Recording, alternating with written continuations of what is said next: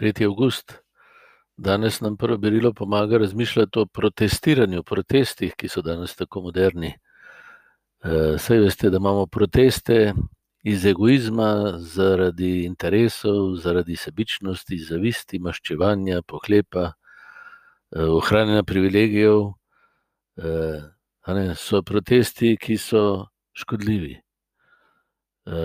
Če so pa protesti proti avtoriteti, ki je zlobna, hudobna, uničevalna, diktatorska, ubijalska, so pa upravičeni.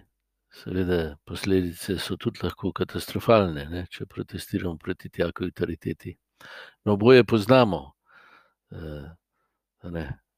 Sedaj, če gremo gledat Mojzesa, o Mojzesu je rečeno, da je bil ponižnejši in krotkejši od vseh ostalih, a sta kljub temu Aron pa Mirjam, brat in sestra, proti njemu protestirala. Verjetno sta mu bila nevoščljiva, da lahko govori v božjem imenu, da posreduje božja navodila in njegove zapovedi. In, v poduk,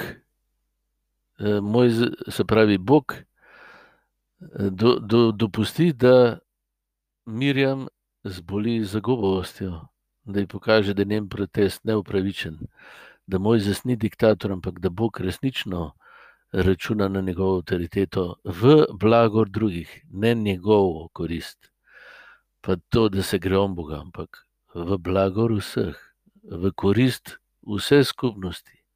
No, to se mi zdi, njun protest neupravičen, zato so posledice. In Mojzes prosi sedaj Boga in Mirjam je ozdravljena, s tem še potrdi njegovo avtoriteto, njegovo ponižnost.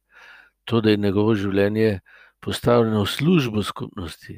Proti taki avtoriteti protestirati je zlo. No, vsak naj pa ve, pa vidi, ko se odpravi na proteste.